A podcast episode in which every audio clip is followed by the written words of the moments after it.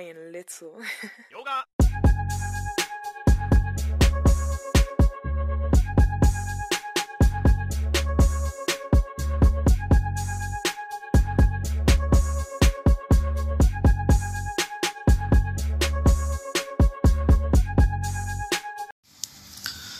Assalamualaikum warahmatullahi wabarakatuh.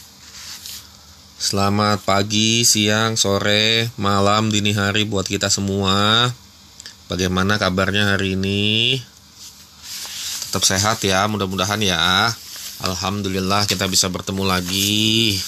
Walau hanya tatap maya ya, bukan tatap muka tapi tatap maya. Bahkan tidak tatapnya dalam bentuk suara kembali.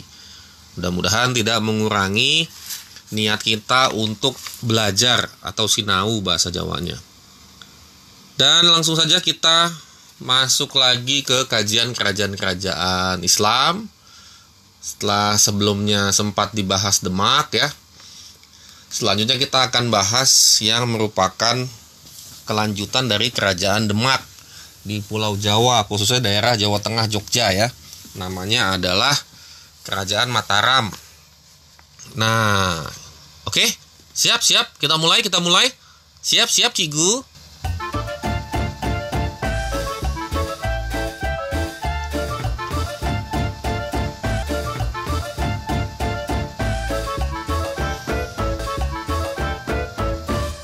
Baik, bisa dikatakan kerajaan Mataram ini berdiri sekitar abad ke akhir abad ke-16 ya. Jadi Mataram Islam berdiri tahun 1582 yang terletak di Kota Gede. Kota Gede ini sebelah tenggara dari Kota Yogyakarta. Asal usul kerajaan ini e, berasal dari sebuah kadipaten di bawah Kesultanan Pajang ya Kesultanan Pajang ini kan e, rajanya adalah Sultan Hadiwijaya ya. Nah, tanah di Kadipaten ini diberikan e, oleh Sultan Hadiwijaya kepada Ki Ageng Panamahan, e, sorry Ki Ageng Pamanahan sebagai hadiah atas jasanya mengalahkan Arya Panangsang. Nah, tahun 1575 Ki Ageng Panam, Pamanahan meninggal dunia dan digantikan oleh putranya yang bernama Suta Wijaya. Nah, nanti Sultan uh, Suta Wijaya ini kemudian berhasil memberontak kepada Pajang dan berhasil mengalahkan Sultan Ahdi Wijaya. Jadi Suta Wijaya nanti mengangkat diri sebagai Raja Mataram Islam yang bergelar Panembahan Senopati. Nah, sampai sini udah lumayan ya, ada beberapa nama ya. Jadi awalnya Hadi Wijaya ngasih hadiah kepada Ki Ageng Pamanahan. Nanti Ki Ageng Pamanahan punya anak namanya Sutawijaya. Nanti Sutawijaya memberontak kepada Hadiwijaya. Dan akhirnya kerajaan Pajang diganti namanya dengan Mataram Islam. Sama seperti mungkin konteksnya mirip dengan Singosari yang menggantikan Kediri dan nanti Majapahit juga yang menggantikan Singosari. Oke, nah ini sumber-sumber sejarahnya kita ambil dari uh, kitab Babat Tanah Jawi ya. Oke, next. Jadi raja pertamanya Sutawijaya tapi gelarnya nanti Panembahan Senopati. Jadi kalau kamu cek di buku sejarah biasanya namanya langsung Panembahan Senopati. Gelar Panembahan itu sendiri sebenarnya seperti gelar keagamaan ya. Panembahan itu orang seperti pemuka agama ya jadi ini dipakai oleh Sutawijaya untuk me, apa ya, mendukung melegitimasi bahwasannya memang selain seorang raja dia juga seorang pemimpin agama. Nah, pada masa Panembahan Senopati, jadi mulainya itu 1584 uh, sorry 1582 ya. Nanti Panembahan Senopati ini berkuasa sampai 1601 Masehi. Nah, selama pemerintahannya Kesultanan Demak bisa dikalahkan ya terus nanti menguasai juga Pasuruan, Kediri sampai Surabaya. Cirebon walaupun tidak dikalahkan tapi berada di, di bawah pengaruh Mataram Islam. Nah setelah Panembahan Senopati meninggal, kekuasaannya diganti oleh anaknya. Nah anaknya ini namanya Seda Ing Krapyak.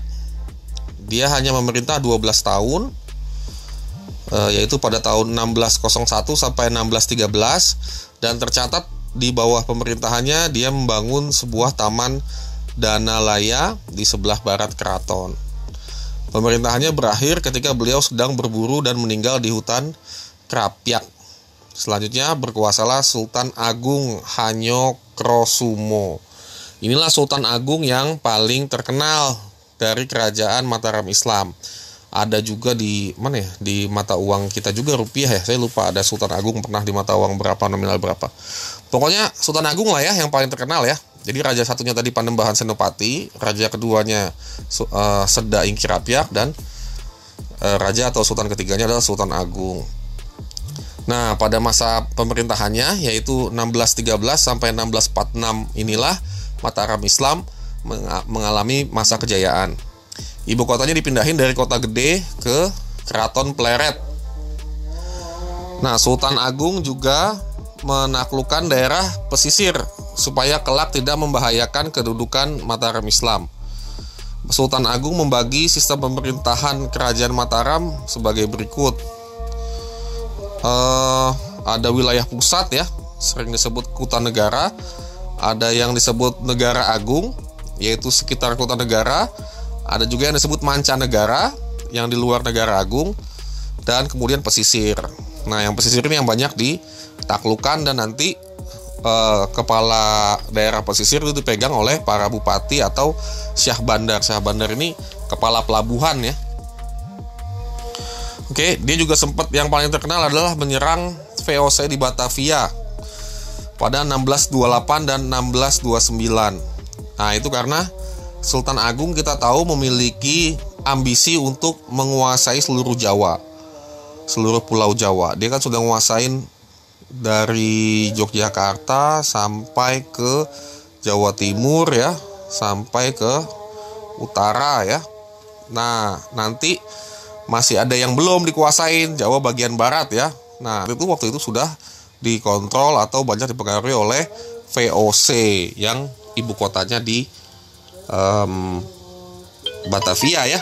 Jadi memang seperti hambatan utama ketika Sultan Agung nanti akan bercita-cita menyatukan Pulau Jawa di bawah Panji Mataram Islam. Tapi memang kita bisa lihat tahun 1628 dan 1629 dua kali Sultan Agung mencoba untuk menguasai atau mengalahkan VOC terbukti gagal ya. Nanti kita bahas gimana gagalnya. Oke, habis Sultan Agung meninggal pada 1645. Ia digantikan oleh putranya yang diberi gelar Amangkurat I. Oke, sampai sini udah ya, udah tiga raja ya. Sekarang kita masuk ke raja keempat, Amangkurat I.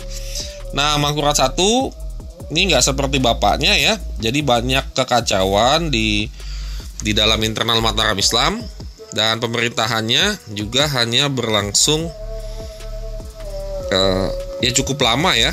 Ini cuman diwarnai oleh banyak pembunuhan dan kekejaman. Dia memerintah 1645 sampai 1676. Pada masa pemerintahannya juga ibu kota Mataram Islam dipindahkan ke Kartasura. Pada tahun 1674 pecahlah perang Trunojoyo yang memberontak ya. Jadi Trunojoyo, wah ini nama jalan di Jakarta, jalan tempat Mabes Polri berada yang kemarin ditembakin itu ya. Nah, Trunojoyo ini dapat dukungan dari segelintir bangsawan dan ulama ya. Jadinya berani memberontak kepada Amangkurat I. Nah, akhirnya ibu kota Kartasura pada tahun 1674 tadi ya, itu jatuh eh, jatuh dan kemudian Amangkurat I melarikan diri dan mencari bantuan VOC. Akan tetapi ketika sampai di Tegalarum, itu wilayah di Jawa Tengah dekat Tegal, Amangkurat I jatuh sakit dan akhirnya wafat. Ia digantikan oleh putra mahkota yang bergelar Amangkurat II. Amangkurat II bertahta dari 1677 sampai 1703. Ia bisa dibilang cukup tunduk kepada VOC ya demi mempertahankan tahtanya. Sampai akhirnya nanti dengan bantuan VOC tadi Trunojoyo Trunojoyo yang tadi mengalahkan bapaknya yaitu Amangkurat I berhasil dibunuh oleh Amangkurat II. Mangkurat II sendiri nih yang ngebunuh ya. Ngebalasin dendam ayahandanya. Nah, setelah Mangkurat II meninggal pada 1703, situasi politik Mataram semakin buruk karena nanti ada perebutan kekuasaan. Jadi di Amangkurat I ada perang Tronojoyo, di Amangkurat II nanti juga ada perang ya karena nanti keturunan Amangkurat II sebenarnya ada Amangkurat III. Nah, Amangkurat III ini namanya eh, Raden Mas Sutikna namun usia pemerintahannya berjalan singkat, hanya 1703 sampai 1705. Kalau tadi kan Amangkurat II bapaknya 1677 sampai 1703. Nah, ini Amangkurat III 1703 sampai 1705, hanya 2 tahun saja. Karena dia didongkel dari tahtanya oleh pamannya. Eh, sekaligus mantan mertuanya namanya Pangeran Puger. Nah, Pangeran Puger adalah adiknya Mangkurat II. Jadi pamannya Mangkurat III. Jadi satu bapak beda ibu sama Pangeran Puger.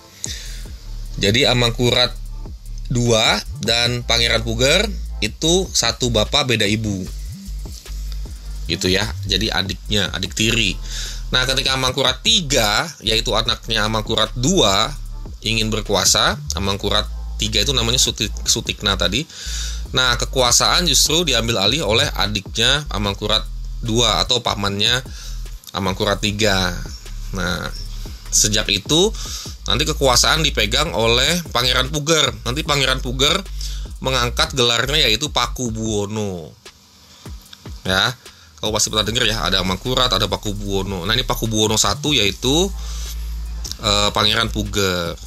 Nanti habis Pangeran Puger atau Pakubuwono I kekuasaan masih tetap dipegang oleh keluarga Pakubuwono nanti anaknya yaitu Pakubuwono II.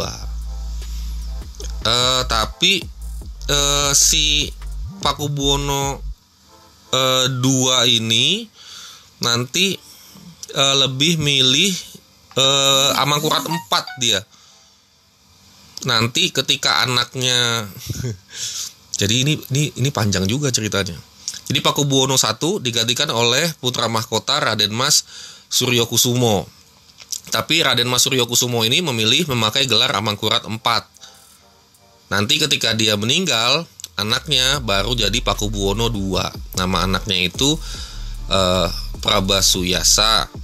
Nah, jadi Pakubuwono II-nya Pak eh, Prabasuyasa. Jadi saya urutin ya nama-nama rajanya ya untuk Mataram Islam ya. Siap? Satu. Panembahan Senopati. Dua. Seda Ing Krapyak. Tiga. Sultan Agung. Empat. Amangkurat satu. Lima Amangkurat 2 6 Amangkurat 3 7 Paku Buwono 1 8 Amangkurat 4 9 Paku Buwono 2 Oke ya, bisa dipahami ya sampai situ ya. Hore! Oke, nah selain nama-nama raja dan masa kekuasaannya, kehidupan sosialnya juga nanti kita bahas ya. Kehidupan sosial masyarakat Demak itu uh, ini cukup tertata dengan baik ya berdasarkan hukum Islam tanpa meninggalkan norma-norma lama. Dalam pemerintahan Mataram Islam, seorang sultan atau raja memegang kekuasaan tertinggi, kemudian diikuti oleh sejumlah pejabat kerajaan Nah, untuk menciptakan ketertiban di seluruh kerajaan, diciptakanlah peraturan khusus yang dinamakan anger-anger yang harus dipatuhi oleh seluruh penduduk. Untuk kehidupan ekonominya, kerajaan ini menggantungkan kehidupan ekonominya dari sektor agraris ya. Jadi mulai masuk ke dalam pedalaman. Artinya bukan main di pesisir kayak Demak atau Banten, tapi masuk ke dalam jadi mengandalkan pada agraris pertanian karena letaknya di pedalaman. Nah dari segi budaya juga nih ada yang ini timbulnya ada kebudayaan istilahnya Islam kejawen. Nah misal misalnya upacara gerbek sampai sekarang masih ada ya. Ada gerbek maulud ya itu yang paling besar ya. Sama gerbek Idul Fitri Idul Adha. Cuman yang penting dilihat niatnya ya kalau dikaitkan dengan agama ya. Terus yang selanjutnya dari bidang budaya Sultan Agung berhasil menyusun kalender Jawa jadi gabungan dari kalender Hijriah atau Islam dengan kalender Saka atau Hindu ya. Digabung namanya kalender Jawa. Lalu kemudian dari bidang seni sastra pada masa Sultan Agung terdapat kitab yang berjudul Sastra Gending yang merupakan kitab filsafat kehidupan dan bernegara. Nah, nanti kita masuk ke masa akhir Mataram ya. Jadi memang habis Amangkurat satu itu udah mulai pecah ya karena nanti uh, ada perjanjian uh, Gianti.